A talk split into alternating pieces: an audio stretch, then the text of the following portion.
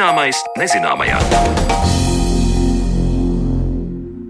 Esiet sveicināti redzījumā, zināmais nezināmajā. Ar jums kopā esmu es Sandra Kropa, un šodien mēs parunāsim par kādu ļoti ikdienišķu mūsu dzīves sastāvdaļu, proti par darbu.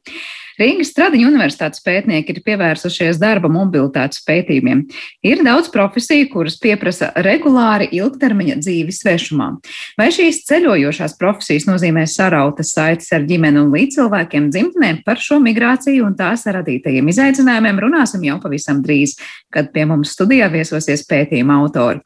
Bet līdz tam uzzināsim, kā vieta ierīces palīdz attālināt, sekot līdzi līdz cilvēku dzīvei. Nav nekāds jaunums, ka rūpju atvieglošanai cilvēki izmanto izsakošanas ierīces bērniem un cilvēkiem gados, lai novērotu skolas bērnu gaitas vai bez bažām palaistu senioru uz meža sēnēs. Kā šīs tehnoloģijas darbojas, par to vairāk stāsta Zanelās Baltalksne. Izsakošanas ierīces ar vai bez palīdzības izsaukšanas, ar vai bez iespējām komunicēt caur šīm ierīcēm, tās jau labu laiku ir ienākušas tirgū un līdz ar to arī cilvēku ikdienā. Arī Latvijā jaunie vecāki vecāki var izvēlēties, kā novērot savu lolojumu gan zīdaiņa gultiņā, gan arī viņam uzsākot skolas gaitas. Un arī senioriem ir iespējas iegādāties izsekošanas ierīces viņu drošībai. Kā šīs iekārtas darbojas un cik tās maksā, to skaidro tehnoloģiju un IT eksperts, digitālā mārketinga aģentūras ITERO vadītājs Reinis Zītmanis. Sākam ar zīdaiņu novērošanas ierīcēm, kad mazuli var ne tikai dzirdēt, bet arī redzēt video kvalitāte ir ievērojami uzlabojusies, un viņa uzlabojas visu laiku šīm ierīcēm. Jums mājās ir jābūt Wi-Fi tīkla pārklājumam, respektīvi, jums ir jābūt savam Wi-Fi, jo šīs zīdaiņu izsekošanas ierīces, kuras parasti liek pie bērnu gultiņas, viņas strādā vai nu caur radio savienojumu, un tad tam ir ļoti mazs rādījums, piemēram, blakus istabā var nolikt šo otru komunikācijas ierīci. Bet visbiežāk šodien nopērkamās strādās Wi-Fi tīklā, tas nozīmē, ka jūs varēsiet redzēt un dzirdēt arī tad, ja jūs nebūsiet nu, blakus istabā.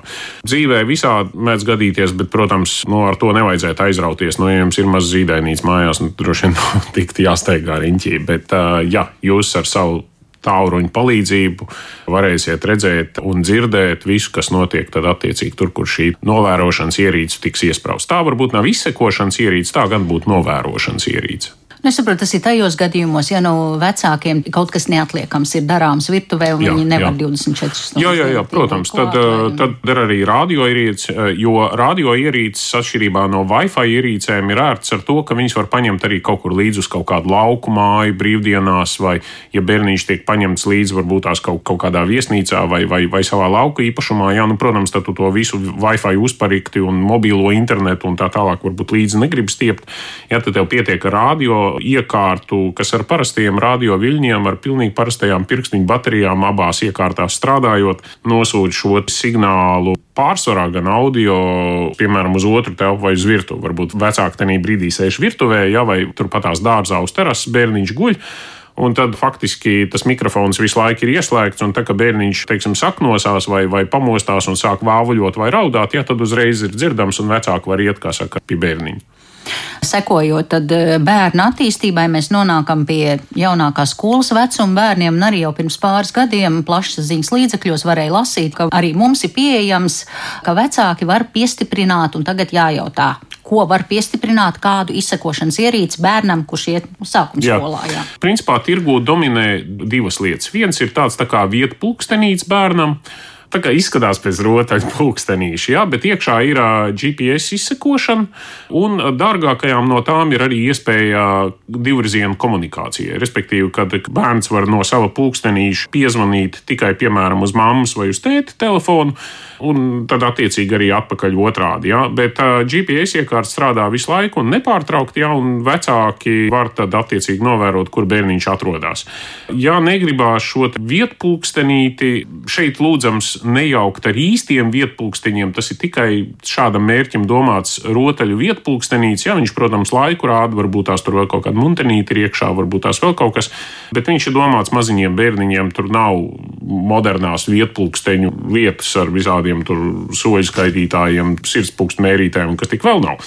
Bet uh, tie, kas nevēlas uh, pulkstenīti uz rokas nesāt un turēt, un lai tam bērniņam varbūt stundās arī nebūtu uzmanība visu laiku uh, jānovērš, tad ieteicam ir tie saucamie piekariņi kurus var ielikt somas ārējā kabatiņā vai vienkārši piestiprināt pie somas lences, kā tādu piekariņu, kas karājas un uz āru ir redzams. Viņš sūta signālu par savu atrašanās vietu. Tās ir GPS izsekošanas iekārtas, kas vecākiem viņu iekārtās vietā, runī vai datorā attiecīgi rāda, kur tas bērniņš vienkārši atrodas. Vai vecākiem pašiem ir piemēram Apple vai Android tālrunis, jā, tad viņi var izvēlēties attiecīgi varbūt tās kaut kādu jau gatavu izsekošanas ierīci no, no paša Apple, vai tad attiecīgi bija šī lielāka izvēle varbūt tās ir, ir tiem, kas lieto Android iekārtas, kaut arī mm, viss jau tur savā starpā pēdējā laikā ir sadarīgs. Bet, ja tas ir tāds speciāls tā kā bērnu vietā runīts, vietpulkstenīts, tad tur var iekšā iebūvēt šo komunikāciju. Respektīvi, tas, ar ko vecākiem ir jārēķinās, tiklīdz ir šī komunikācija, nevis vienkārši tikai GPS iekārta kā tāda, tad vecāki maksā par vēl vienu simkarti. Jā, tur ir kaut kāda abonēšanas maksa, tāpēc, ka nu, tev ir vajadzīgs šis mobilā tīkla pārklājums, lai varētu paziņot, kur tad es atrodos. Tāpēc, ka nepietiek ar to, ka šī GPS iekārta vienkārši uztver signālu. GPS iekārta, kas ir piesprāstīta pie somas, protams, viņi zina, kur viņi atrodas.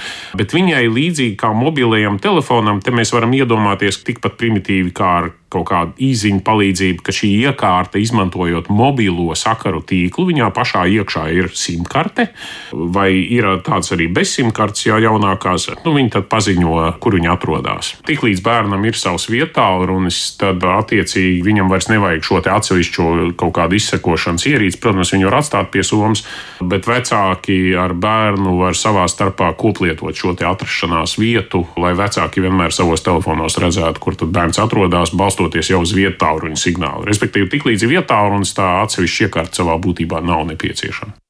Protams, ka bērni savos tālruņos šo izsekošanas programmu var atslēgt, izsekošanas pogu kaut kur aizmirst vai pielikt savam sunim. Šādas izsekošanas ierīces darbojas tikai tad, ja abas puses ir vienojušās par to ieviešanu savā ikdienā.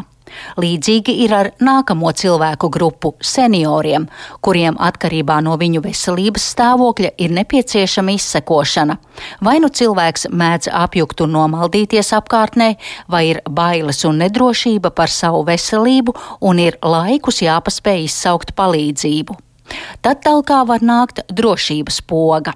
Drošības pogas plus salīdzinot ar vietālruni senioram ir tāds, ka šī poga tas ir kaut kas sataustāms. Pat ja tev daļēji viss ir miglā, tev griežās galva, tu neredzi riņķi un tā tālāk, tu joprojām vadoties pēc atmiņas vari sataustīt šo ierīci un nospiest šo pogu, jo to ar pirkstu galiem tev joprojām šī sensorika strādā, tev pirksts dod atgriezenisko saiti un tu vari sataustīt šo pogu un viņu nospiest un izsaukt šo palīdzību pēdējiem tas, spēkiem, un jā. pēc tam kaut vai novelties uz grīdas, jā, vai novelties kaut kur uz lauka ceļa vai mežā, jā, bet tas signāls aiziet. Kur tas signāls aiziet? Atkal šeit ir divas iespējas izvēles. Atkarībā no abonēšanas plāna, kas ir pieejams šīm ierīcēm, ir divi līmeņi. Pirmais, vienkāršākais līmenis, kad šis signāls aiziet kādam, kurš par tevi rūpējas kādam no bērniem, viņam atnāk trauksmes signāls mobilajā tālrunī, mobilajā tālrunī, vietālrunī viņam ir šī izsekošanas aplikācija. Un izlaiž šis paziņojums, jeb tautā sauktā notifikācija, kad ir nospiesta drošības poga. Daži no tarifu plāniem iekļauj arī īsiņas, ja, kad ir iespēja atsūtīt uzreiz arī īsiņu, ka ir nospiesta trauksmes poga. Un tad pārējais, tad attiecīgi ir šī bērna rokā, ja, kura vecāks ir varbūt nospiedis šo pogu, saprast, kas notiek, mēģināt saskatīt, kur tas ir. Traukties uz turieni, zvanīt kaimiņiem, iet skatīties, izsaukt ātrā palīdzību. Tālāk, kā saka, viss ir paša rokās. Ir mazliet augstāks līmenis, kad tiek abonēti operatoru centra pakalpojumi. Tādā ziņā, ka neatkarīgi no tā, vai tuvākie ģimenes locekļi vai tuvinieki ir vai nav tajā brīdī spējīgi pievērsties šim trauksmes signālam. Nav noslēpums, ka cilvēki mēdz būt visādās sapulcēs. Viņi mēdz būt lidmašīnās, viņi mēdz būt pagrabā nokāpuši, telefons ir kaut kur tur palicis Un tad, protams, ir labāk, kad ir šis operatora pakalpojums, kad trauksmes signāls aiziet uz zvanu centru, un tad zvanu centrs ir tas, kurš tad attiecīgi reaģē, sazvana tuviniekus, sauc ātros un, un, un kaut ko tādu dara. Tie visi dažādi tarifu plāni, šīs iekārtas, kuras jūs varat iegādāties ar vai bez aktīvās GPS izsekošanas vai tikai trauksmes pogas. Viņas reti kad ir nopērkamas vienkārši kā vienas pašas iekārtas. Respektīvi, tas nav tā, ka tu aizej uz veikalu nopērts iekārtu, tur, teiksim, pa 20 vai pa 50 eiro, un viss un miers, un tālāk tu neko nemaksā. Nē, tu maksā visminimālākajā gadījumā, tu maksā par šo mobiliem sakariem, tāpēc, ka šajās trauksmju iekārtās un GPS izsekošanas iekārtās, kas arī ir gan kā piekariņi, gan kā aproces, Viņās ir iekšā mikro simtkartītes, un viņas, līdzīgi kā mobilie telefoniņi, viņas sazinās un, un, un padod šo trauksmes signālu. Cenas ir ļoti dažādas. Tie var būt 50 eiro gadā abonēšana, un tie var būt uh, 20 eiro mēnesī abonēšana. Atkarībā no situācijas un no tā, cik lieli ir šie riski ar taviem vecākiem, ar senioriem, tad attiecīgi, nu, kas ir liela nauda. Ja, tad, tad ir labs jautājums, vai tu vari izglābt uh, dzīvību par šo naudu, vai arī tā problēma ir varbūt mazliet mazāk, varbūt seniors pats. Viņam nekādas veselības tādas problēmas nav, bet viņš pats drošāk varbūt tās jūtās tomēr gadījumā, nu, ja kas, tad lai vismaz zina, kur es esmu. Reinis skaidro, ka minētās drošības pogas senioriem arī nozīmē mobilitāti. Viņi var turpināt braukt sēņot vai doties tālākās pastaigās, nebaidoties, ka ar viņiem var notikt kas slikts. Augstākas kategorijas iekārtas pat spēja atpazīt kritienu un ziņot par to. Te mēs pieskaramies arī šiem aktīvajiem vietpunkteņiem, kas spēj konstatēt kritienus. Tas ir visdārgākais variants, kad šīs ir tās iekārtas, vienalga vai tās ir viedās aproces vai tie ir kaut kādi vietpunkteņi, bet iekārtas, kas spēj tiešām konstatēt kritienu, viņas pārsvarā ir nu, stipri, stipri dārgākas nekā citas vidusmēra izsekošanas iekārtas. Bet viņu trūkums ir tas, ka viņas ir regulāri jālādē, respektīvi tie vietpunkteņi tiešām jālādē katru dienu, varbūt katru otro dienu. Bet vai šāds vietpulkstenis var nu pateikt, vai tas seniors ir vienkārši apsēdies, atpūsties mežā uz celma, vai viņš ir saļīms, tāpēc, ka viņam ir ar sirdi kļuvis? Uh, atkal attiecībā uz sirdi vietpulksteņi, kas prot mērīt ritmu. Ja cilvēks ir lietojis viņu gana ilgi, viņš spēj atšķirt un laikus pateikt. Viņš jau redz kaut kādu aritmiju, vai viņš redz kaut kādu pastiprinātu eh, sirdsdarbību, sitienu skaitu minūtē, neregularitāti, pat ņemot vērā, ka tu tā īpaši šobrīd nekusties. Viņi saprot, vai tu šobrīd aktīvi brauc ar riteni, vai tu šobrīd aktīvi spēlē tenisu, vai arī vienkārši tu sēdi uz soliņa, bet kaut kas ar sirdi nav riktīgi, jā, jo tas ritms ir citādāks nekā parasti. Tā tā. Viņi spēj šo identificēt, viņi spēj paziņot vainu vietā runī, kas pašam senioram ir, vai arī, ja tas vietpulkstenis ir tāds, kuram pašam ir iekšā iebūvēta simkarte, jā, tad viņš attiecīgi spēja paziņot, varbūt tās arī kaut kur, teiksim, savam ģimenes ārstam vai, vai tam savam bērnam un, un tam līdzīgi. Ar kritieniem ir savādāk. Kritiens nozīmē tiešām kritienu. Ja kāds sēž uz soliņa, un vienkārši saņemst vietpunktenis to nekonstatēs kā kritienu. Tāpēc, ka tas nav vērā ņemams trieciens. Šie kritieni tam ir tiešām jābūt vērā ņemamam triecienam. Mēs runājam par to, ka tu nogāzies kā baļķis pilnā augumā uz asfalta, vai arī tu brauc ar velosipēdu un tu nokrīti. Šie kritieni tiek konstatēti. Vietpunktenis ieslēgs trauksmes signālu, viņš sāks pīkstēt, viņš sāks mainīt krāsiņas, lai pievērstu apkārt esošo cilvēku uzmanību. Tas ir viens, ko viņš izdarīs kritiena rezultātā. Otrs, viņš uz ekrāna prasīs, es redzu, ka tu nokriti. Ja tu esi nokritis, tev ir jāspēj uh, salīdzinoši īsā laikā, tās ir parasti kaut kādas 3, 5 sekundes vai kaut kas tāds, nospiest ar pirkstu. Jā, es nokritu, bet ar mani viss ir kārtībā. Viņš tiešām pārprasīs, vai tiešām ar tevi viss ir kārtībā, vai tu nokriti. Ja tu nospiedīsi to apklusināt, tad viņš arī apklusīs. Ja tu nenospiedīsi to, tad vietpūkstenis sapratīs, ka acīm redzot, tu nevari kustēties. Un tad gan tad viņš sāks tur rīktīgi pīkstēt un pat spēj izsaukt, teiksim, pats ātrā palīdzību vai, vai spēj padot signālu kādam radiniekam, kad ir nokritis cilvēks un tam līdzīgi. Līdzīgi kā gadījumos ar skolas bērniem, arī te ir būtiski, lai visas puses ir vienojušās un sapratušas, kas un kā ir jādara, un iekārtas laikus ir uzlādētas, teica Reinis Zitmanis. Tik tālu par tehnoloģijām un to sniegtajām iespējām, sekot līdzi cilvēku ikdienas gaitām, bet raidījuma turpinājumā mēs runāsim par ceļojošām profesijām un darba mobilitātes pētījumiem.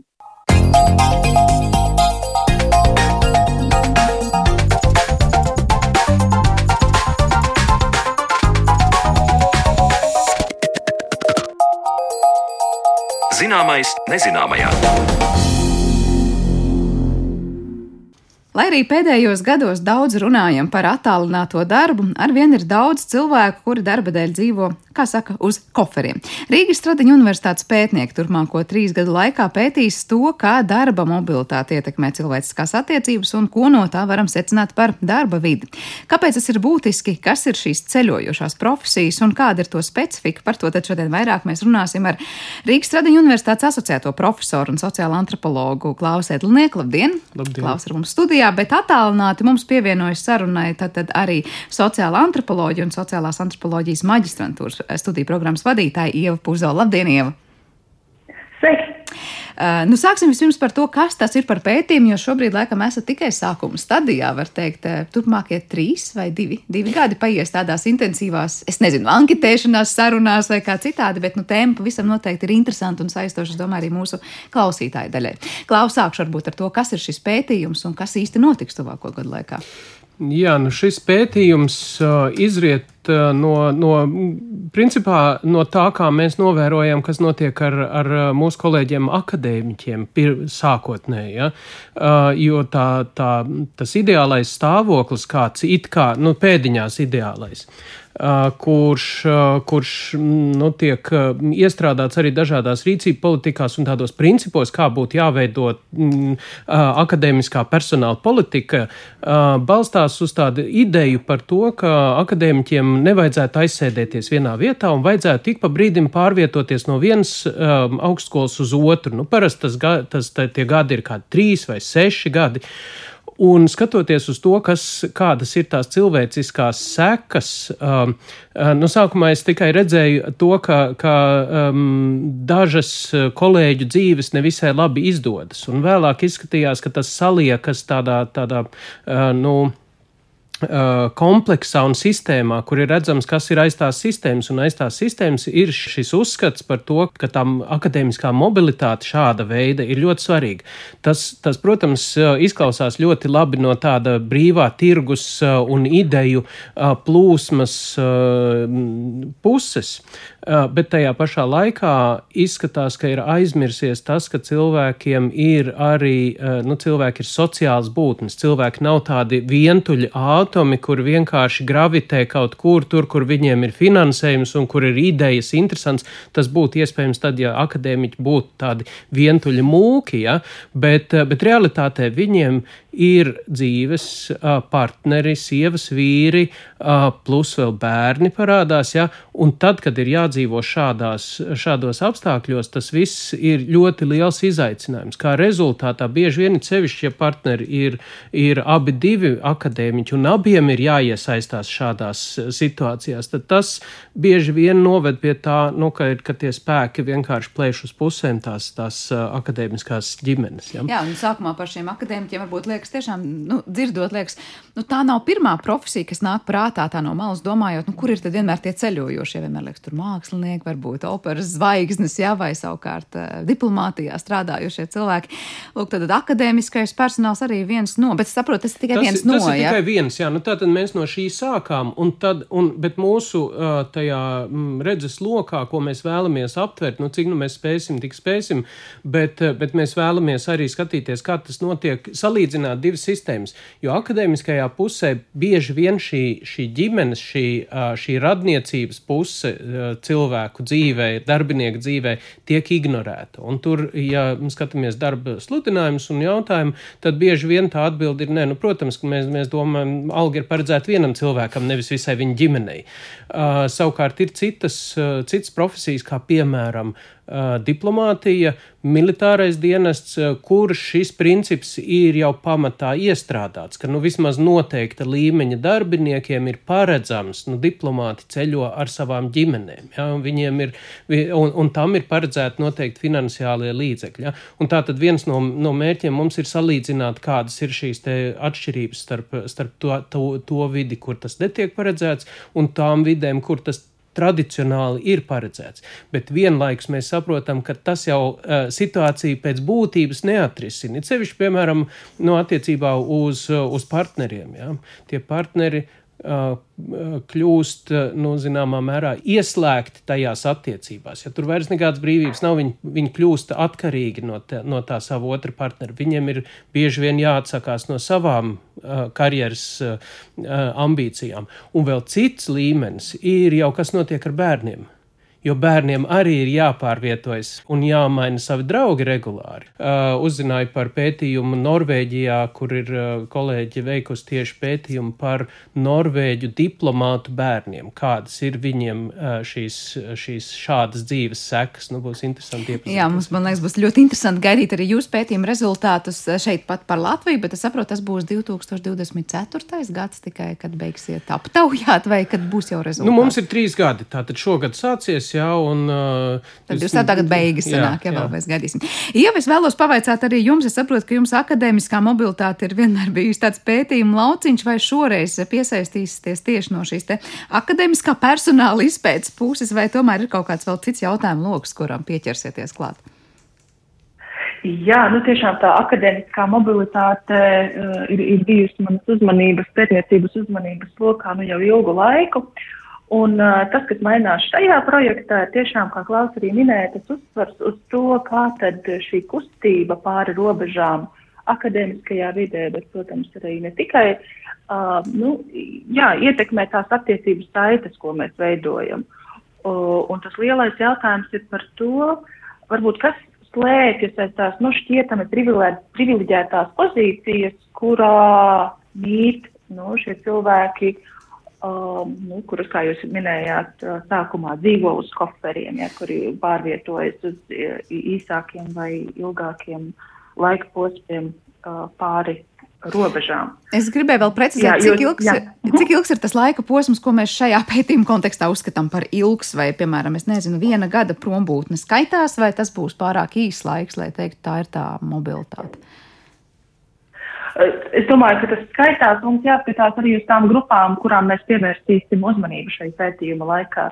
Jo, protams, akadēmiskajā vidē tie, šī, nu, tas viss ir atkarīgs no tiem līgumiem, kādus cilvēks pēdz, kādus uh, universitātes, piemēram, piedāvā. Tas varētu būt no sešiem mēnešiem līdz, jā, kā klāt arī minēja, trim gadiem, sešiem gadiem un tam līdzīgi. Uh, Savukārt, piemēram, mūziķiem, sportistiem šie noteikumi atkal ir pilnīgi citi militārajā vidē, diplomātiskajā vidē, tie atkal ir citi noteikumi. Tā kā mums noteikti jāskatās uz to, par kādu vidi, par kādām šīm darba vietām mēs runājam un kas tad, nu, tiek arī šajās vidēs uztverts par nu, to normālo, pieņemto veidu, kā dzīvot, kā būt. Un tad atkal to, kā nu, šī kustība tad ietekmē šīs attiecības, un no otras puses arī tas, uh, ko man liekas, ka Klāps arī nedaudz ieskicēja, tas, kā tajā brīdī, kad mēs izveidojam attiecības, kad mums ir kaut kādi rūpju pienākumi, uh, kad, kad jāsāk rūpēties par tuviniekiem, vai kad parādās bērni, vai pat nu, tādas it kā šķietami salīdzinoši uh, um, mazāk svarīgas attiecības kā maidzīvnieki vai, nezinu, citiem cilvēkiem pat augi. Uh, nu, kā šīs attiecības jau esošās ietekmē to, cik ļoti mēs varam vai nevaram kustēties pāri robežām un kas notiek tajā brīdī, teiksim, ar mūsu karjeras iespējām, kad šī kustība vairs nav tik, nu, vienkārši un pasaprotam un tāda individuāli brīva, kā tas, uh, nu, lielā mērā tiešām iestrādāts uh, dažāda veida šeit, šajās uh, darba politikās. Kas ir vēl tas, runājot par to nu, nezinu, iznākumu, ko jūs cerat sagaidīt? Es sadzirdēju no klāva kaut vai salīdzināt to, kas ir, piemēram, jā, kaut vai tas finansējums, kas ir paredzēts vienā sektorā strādājošiem, vai tas ir pielīdzināms un kas mainās citā sektorā, kur tāda nav. Vai ir kaut kādi konkrēti, es nezinu, veicamie uzdevumi, kas jāsasniedz un kurus noteikti izmērīsiet, vai te mēs vairāk runājam par tādu nu, interesi, ko šie cilvēki domā, ar kādiem izaicinājumiem saskarās, vai jūs ejat uz tādiem kārtīgiem risinājumiem, ko pēc tam piedāvāt konkrēto jomu cilvēkiem? Vai darba devējiem? Mm. Šis ir, šis ir tā saucamais fundamentālais pētījums, kura, kura uzdevums ir vairāk vai mazāk saprast situāciju un, un attīstīt tādu teorētisko skatījumu uz to, lai, lai jau tad, kad ir saprast, tātad teorija ir kaut kas tāds, kas skaidro, kā, kā lietas notiek, kas, kas, kas tad. Ko kādas, ietekmē, jā. Kas ko ietekmē, jā, un, un, un, un kāpēc rodas viena vai otra nu, lieta, kur mēs nevisai vēlamies uh, redzēt savā dzīvē. Uh, mūsu projekta uzdevums kā fundamentālam tāpēc nav uh, primāri izstrādāt šos nu, kaut kādas rīcību politikas uh, risinājumus. Ja? Mēs tos atstāsim vairāk tieši tiem rīcību politikas veidotājiem, ja? kas ir uh, iestāžu uh, rīkotāji. Jo nu, manā, um, manā ieskatā viņi ir tie cilvēki, kuri daudz labāk var saprast, ko tieši darīt. Mēs varam pateikt, kāpēc kaut kas notiek vai kādas ir sekas tam, ko jūs darat. Ja? Kādas ir piemēram sekas tam, ka, ka um, valstu piešķirtie zinātniskie granti vispār ne, neievēro šos, šīs, šos jautājumus. Ja? Kā tas atstāja iespaidu gan uz zinātniekiem, gan uz zinātnieku, uz to, kas ir zinātnieki, jo mēs, protams, saprotam, ka šeit ir diezgan liela atšķirība arī dzimtas jautājumos, ja? un tas nozīmē, ka, ka šāda sistēma vairāk vai mazāk gravitē uz to, ka tie būs vairāk vīrieši nekā sievietes, kurām tradicionāli tiek uzskatīts, un arī nu, sievietes mēdz vairāk turēties pie tām savām ģimenēm. Ja? Tas nozīmē, ka viņas iesaistīsies šajās daudz, daudz mazāk aktīvi. Ja? Tad kādas ir šīs konsekvences? Un tad no tā jau skatoties, var, var, var uz tā pakāpties un veidot tās rīcību politikas.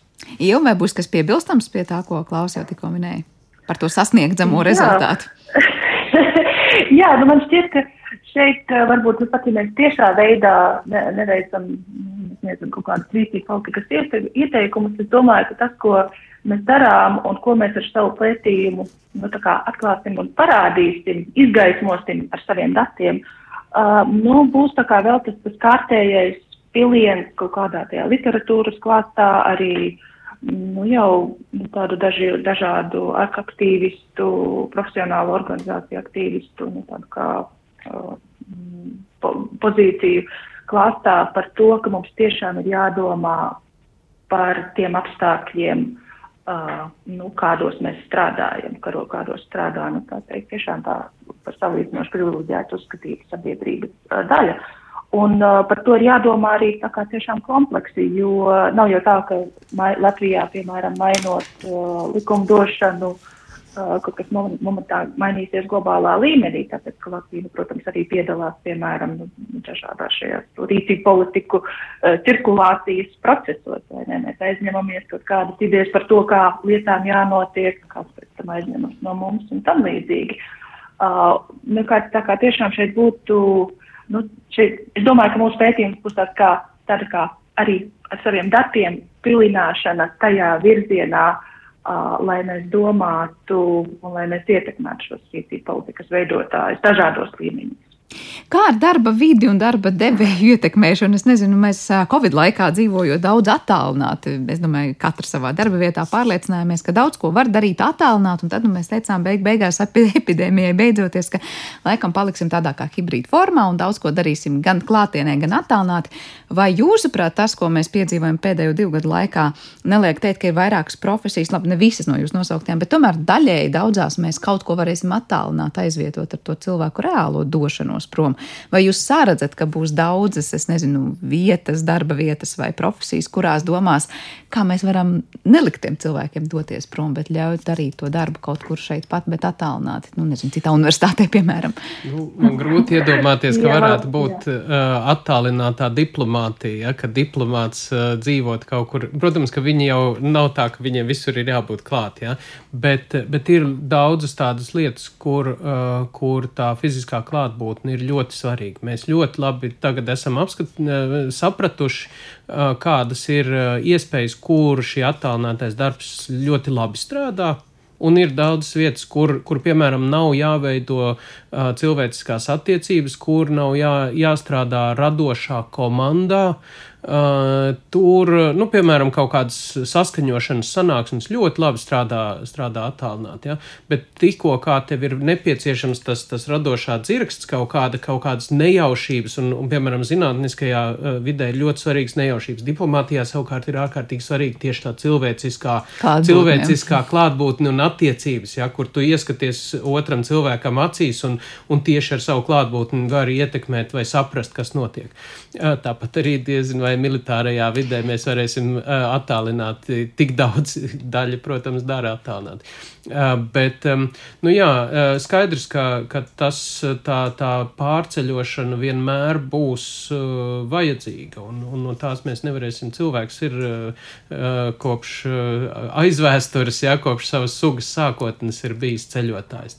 Tas ir daļa no mūsu dzīves, dzīves apstākļiem, bet tikai jautājums, kā mēs, kā mēs ceļojam. Ja? Un, un tā ceļošana lielākoties ir, ir saistīta arī ar to, ka ceļo ne tikai viens cilvēks, bet ceļo, ceļo Visa grupa ģimene. kaut kāda. Ja? Un, un skaidrs, un par to ir diezgan daudz pētījumu ir veikti arī tādā ceļošanas kontekstā, ja? ka šīs attiecības parasti ietekmē nu, vai kavē. Vai arī velk, vai arī veicina. Ja? Nu, tā tad veicina um, tas, ka man ir radi kaut kur vai draugi kādā vienā ārzemju punktā, ja, tas mani pievelk pie, tās, uh, pie tā uh, puses. Ja. Bet no otras puses, tas, ka man ir, ir šeit uz vietas, tas savukārt kavē. Ja. Un par šo ir diezgan daudz, nu, par tādu vienreizēju ceļošanu veikt pētījumu. Bet, bet tas, kas mūs interesē, ir tieši šis te vidusposms, tajā mirklī, ka tu vēl īsti, tu nevari teikt, ka tu jau esi vietējais, bet, bet kur tu arī vairs neesi tāds, nu, Nu, turists, ja. turists un īslaicīgais uh, viestrādnieks, ja, kurš tikai ir uz īsu mirkli atbraucis. Tad var teikt, arī citās valstīs šādu pētījumu šobrīd nav īsti, un tas ir kaut kas unikāls, ar ko šis pētījums sevi pieteiks, vai vienkārši pie mums nav veikti tādi pētījumi. Par šādu tipu, par šādu tipu ievu droši vien var vairāk pas, pastāstīt, bet, bet uh, jā, nu, nav daudz pēt, šādu pētījumu. Mhm. Ieva? Mēs Jā, es tiešām teiktu, ka mūsu pētījums ir diezgan unikāls tajā, kā tas saved kopā šīs divas, nu tā kā divus tādus kā lielus, varbūt pat trendus uh, pētniecībā, antropoloģijā, ka viens no tiem ir tiešām mēs skatāmies nu, no vienas puses to akadēmisko mobilitāti vai, nu, principā, nu, profesionāļu mobilitāti. Un otrs, uh, šis lielais, uh, lielais lauks ir mūsu attiecības, vai ne? kā mēs tās tad mūsu ģimenes, mūsu uh, draugi un tam līdzīgi, kas nu katram ir uh, svarīgi. Un saliekot šos divus kopā, laukus, uh, tas, uz ko mēs skatāmies, kā tie viens otru ietekmē, ir tiešām uh, unikāls skatījums. Nu, tā perspektīva. Jo, protams, ir pētījumi daudzās pasaules, daudzās pasaules vietās, teiksim, um, akadēmiskās uh, vidas pētījumi par to, kā, mm, nu, kā, kā, kā šīs kaut kādas um, kustība pāri robežām nedaudz ietekmē kaut kādas ģimenes dzīves, tiešām skatoties uz uh, dzimtes jautājumiem ļoti bieži, uz to, kā cilvēki um, uh, attālina ģimeņu veidošanu vai kā ģimenes jūk un brūk šādos apstākļos un tam līdzīgi. Taču tas nekad nav bijis šo pētījumu fokus. Mūsu pētījumā tas tiešām ir šis lielais fokus skatīties uz, tā, uz to, kā kustība un attiecības sanāk kopā. Un ko mēs no tā, skatoties šiem procesiem, ko mēs varam spriest tiešām par, par to vidi, kurā mēs strādājam un dzīvojam. Jā, Klāvam, laikam, bija kas Jā, piebilstams. jā, te ir vēl viena lieta. Radniecības pētījumi antropoloģijā ir bijuši fundamentāli kopš antropoloģijas sākuma. Un, un parasti tas ir nu, tik, ticis uzskatīts, ka tas ir kaut kas tāds, kas ir cilvēku dzīvē vispār it kā ļoti fundamentāls, bet ir jā, jāsaprot arī to, ka ka Eiropieši skatoties uz sevi, parasti ir uzskatījuši, ka radniecība ir kaut kas tāds, kas var būt citām sabiedrībām un varbūt Eiropā pagātnē, bet mūsdienās ar vien mazāk un mazāk ir nozīmīgs. Un līdz ar to arī visas tās teorētiskās uh, attīstības kas tā skaitā tās teorijas, kuras ir apakšā darba tirgus um, uh, veidošanas rīcību politikām un politikai kopumā, un tajā, kā mēs skatāmies viens uz otru, uh, ir, ir šis, šis uzskats, ka, ka uh, nu, tai radniecībai nav vērts pievērst uzmanību, tāpēc, ka mums, Eiropiešiem, un tas principā jebkuram uh, cilvēkam, ja, tas um, attīstības vektors ir uz to, kur arvien mazāk šai lietai ir nozīme. Uh, bet um, nu, šī ir viena no tādiem arī ieguldījumiem mūsu te teorētiskajā diskusijā.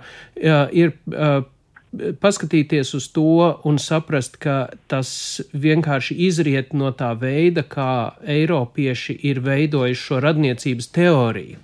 Uh, un, un tāpēc viņi ir um, ļoti lielā mērā ignorējuši tās saiknes, uh, tāda veida saiknes, kuras mums ir ļoti svarīgas. Bet dažkārt arī liekas, man liekas, nezinu, vai tas ir stereotips vai kaut kāds iesakņojies vienkārši uzskats mūsu sabiedrībā, ka liekas, nu, cilvēki, kas izvēlas konkrētas profesijas, viņi jau kaut kur, nezinu, savu raksturīpašību dēļ, vai varbūt to, cik ļoti viņiem ir svarīgi šīs radnieciskās saites vai sajūta, ka viņš ir piesaistīts konkrētai vietai. Uh, izvēlēsies vai neizvēlēsies noteiktas profesijas. Nu, piemēram, es nevaru iedomāties, vai cilvēks, kurš ļoti zina, ka viņš grib strādāt tikai un vienīgi vienā valstī un nekur citur, izvēlēsies diplomātisko karjeru. Vai nav tā, ka mēs kaut kā pieņemam, ka šiem cilvēkiem ir kaut kādas raksturīpašības, kas viņiem ir kopīgas, tie, kas ir spējīgi vienkārši būt visu laiku mobilitātē? Jā, nu, atkal, ja mēs skatāmies uz cilvēku kā, kā ātomu, Jā, varbūt tas ir godīgi un pareizi, bet, bet tas jau neatiec uz viņu partneriem, kuri nav izvēlējušies šīs profesijas, viņu bērniem, kuri vispār piedzima vienkārši tādu, tādu profesiju pārīja. Uh, tas, tas nav nu, tik, tik individualizējami. Jā. Jā, vai bija kas un, jā, man šķiet, ka šeit arī tomēr jādomā par to arī, kurā dzīves posmā mēs esam, vai ne, jo tajā brīdī, nu, tev ir 20 gadi, tev uh, pasauli pie kājām, Erasmus 1, Erasmus 2 un tam līdzīgi. Tā ir fantastiska iespēja, pilnīgi nenoliedzami. Un kas notiek tajā, un tad ir tas interesantais jautājums par to, kas notiek tajā brīdī, kad mēs nu tā kā apaugam arvien vairāk ar attiecībām, ar pienākumiem, ar kaut kādām, nu, šīm rūpju saitēm vienā vai otrā vietā. Uh, un, un ir cits dzīves posms, ir varbūt citi uzsvari, citi uzskati, taču tie uzstādījumi par to, kā ir jākustās vai nav jākustās, ir palikuši tie paši. Un tad nu, tur ir tāda, tāda kā uh, lielā mērā pretruna par to, kā nu, ir tas, uh, kāds ir tas uzstādījums, uz, uzstādījums par to, kā būtu jākustās, un otrs, kā mēs kādā dzīves posmā varam vai nevaram kustēt. Jā, un tad, laikam, tiešām jāpaturprātā, ko jau tikko teica, ir atšķirība, kāda tā mobilitāte būs 20 gados, 30 gados un 50 gados. Es vēl gribēju pavaicāt jums abiem, kā īsti notiks tas pētījums, kas būs tie pētāmie objekti, kas būs pētnieki un kā notiks tā interakcijas ar viņiem. Vai viss ir atlasīti konkrēti, es nezinu, cik profesiju pārstāvji, vai jūs skatāties kaut kā ļoti plaši uz to? Nu, Klausāt, mēs, mēs sākotnēji vēlamies skatīties uz trim lielu galvenu galvenajām grupām, kas ir akadēmiskie cilvēki, kas strādā akadēmijā, militārie un, un diplomātijas pārstāvji. Un tad, nu, tagad mēs jau mazliet arī sākam paplašināt iespējams uz sportistiem, iespējams uz kultūras darbiniekiem, tā, nu, tiem, kas, kas ir spiesti savas, savas profesijas dēļ regulāri ceļot vai, vai ilgstoši ceļot. Un tad jau mēs skatīsimies, kā tas, kā tas attā, attīstās tālāk. Plus vēl pētīsim arī šīs pašas iestādes un organizācijas, kuras tad nodarbina šos, šos cilvēkus un kā viņi veido savus, savus tās rīcību politikas. Proti, ja ir cilvēks, kurš jau ir devies uz citu valsti, tad tās valsts, ja tā iestāde, jā, kurā viņš strādā. Jā, tās. tas, tas mēs arī, tā, tā ideja ir tāda, ka mēs sākam it kā no Latvijas, ja, un tad starojamies ārā un skatāmies, kā, kur aizved mūs šis pētījums. Bet jums ir jau šobrīd nu, ieskicēts, kuras varētu būt tās valstis, uz kurām aizmigrē tie cilvēki, kas būs jūsu pētāmi objekti? Nē, mēs, nu, tas, tas nav galvenais uh, fokus šajā gadījumā, uz kurām valstīm tās var būt jebkādas. Nu, pārsvarā droši vien, ka tas vairāk tomēr koncentrēsies uz Eiropu šeit, bet protams, varētu būt arī kaut kur tālāk. Kaut kas eksotiskāks. Droši vien tur arī ir lielas atšķirības, vai cilvēks migrē un dzīvo kaut kur tepat Eiropā, un tad ir tā sajūta, esmu gandrīz kā mājās, vai tas ir pilnīgi cits reģions ar pilnīgi citu kultūru. Ieva kāds piebildes par to, kas tiks pētīts un varbūt kā runāts ar šiem pētāmajiem objektiem? Jā, uh, man šķiet, ka vēl viena tāda unikāla iezīme šim, šim projektam, tā kā mēs viņu uh, iztēlojāmies, ir tas, ka mēs varbūt netik daudz ceļo, kā, sekojam noteiktam cilvēkam kādam, lai gan cilvēks ir tas individīgs, ir mūsu izējas punkts, bet mēs mēģinām sekot tiešām tādam, nu, tā kā at, šī cilvēka attiecību kopumam. Mēs mēģināsim runāt ar šo ceļojošo individu, uh, ar tiem cilvēkiem, kas viņiem ir svarīgi vienā vai otrā vietā, un tad, kā arī Klāps minēja, skatīties uz kaut kādu to institucionālo kontekstu, piemēram, darba vietas, kaut kādiem šiem nodarbinātības apstākļiem, vai arī kaut kādu valstu, nezinu, migrācijas politiku, darba politiku un tam līdzīgi. Tam līdzīgi. Tā kā datu kopums tur būs liels, būs, nu, tiešām tāda ļoti aktīva un ļoti intensīva sekošana cilvēkiem, sekošana attiecību kopām un paralēli arī šo institucionālo nu, politiku izpēti.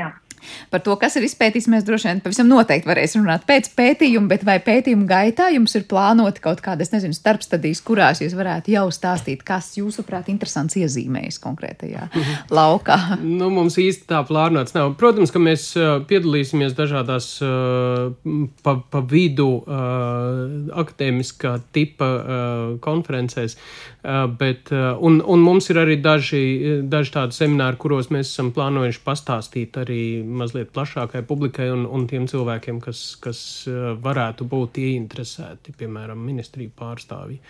Jā. Es saprotu, ka jūs pētījumā arī piedalās nu, ļoti augsti rangi, ja tā var teikt, eh, zinātniskie, kas viņi skaitās, tā kā nu, konsultanti vai pieskatītāji. Nu, jā, nu, mums ir tāda. Uh, tāda struktūra paredzēta kā konsultatīvā padome, un, un tur ir uh, iesaistīti uh, uh, trīs cilvēki. Tomas Hilans Eriksens, kas ir sla, slavens norvēģu antropologs, uh, uh Dace Zenovska, slavena latviešu antropoloģija un Agrit Kjopa, kas savukārt ir mūsu zinātnes prorektori, kas ir stā, arī uh, pati pētījusi uh, diezgan tādos lielos pētījumos uh, migrācijas jautājumus.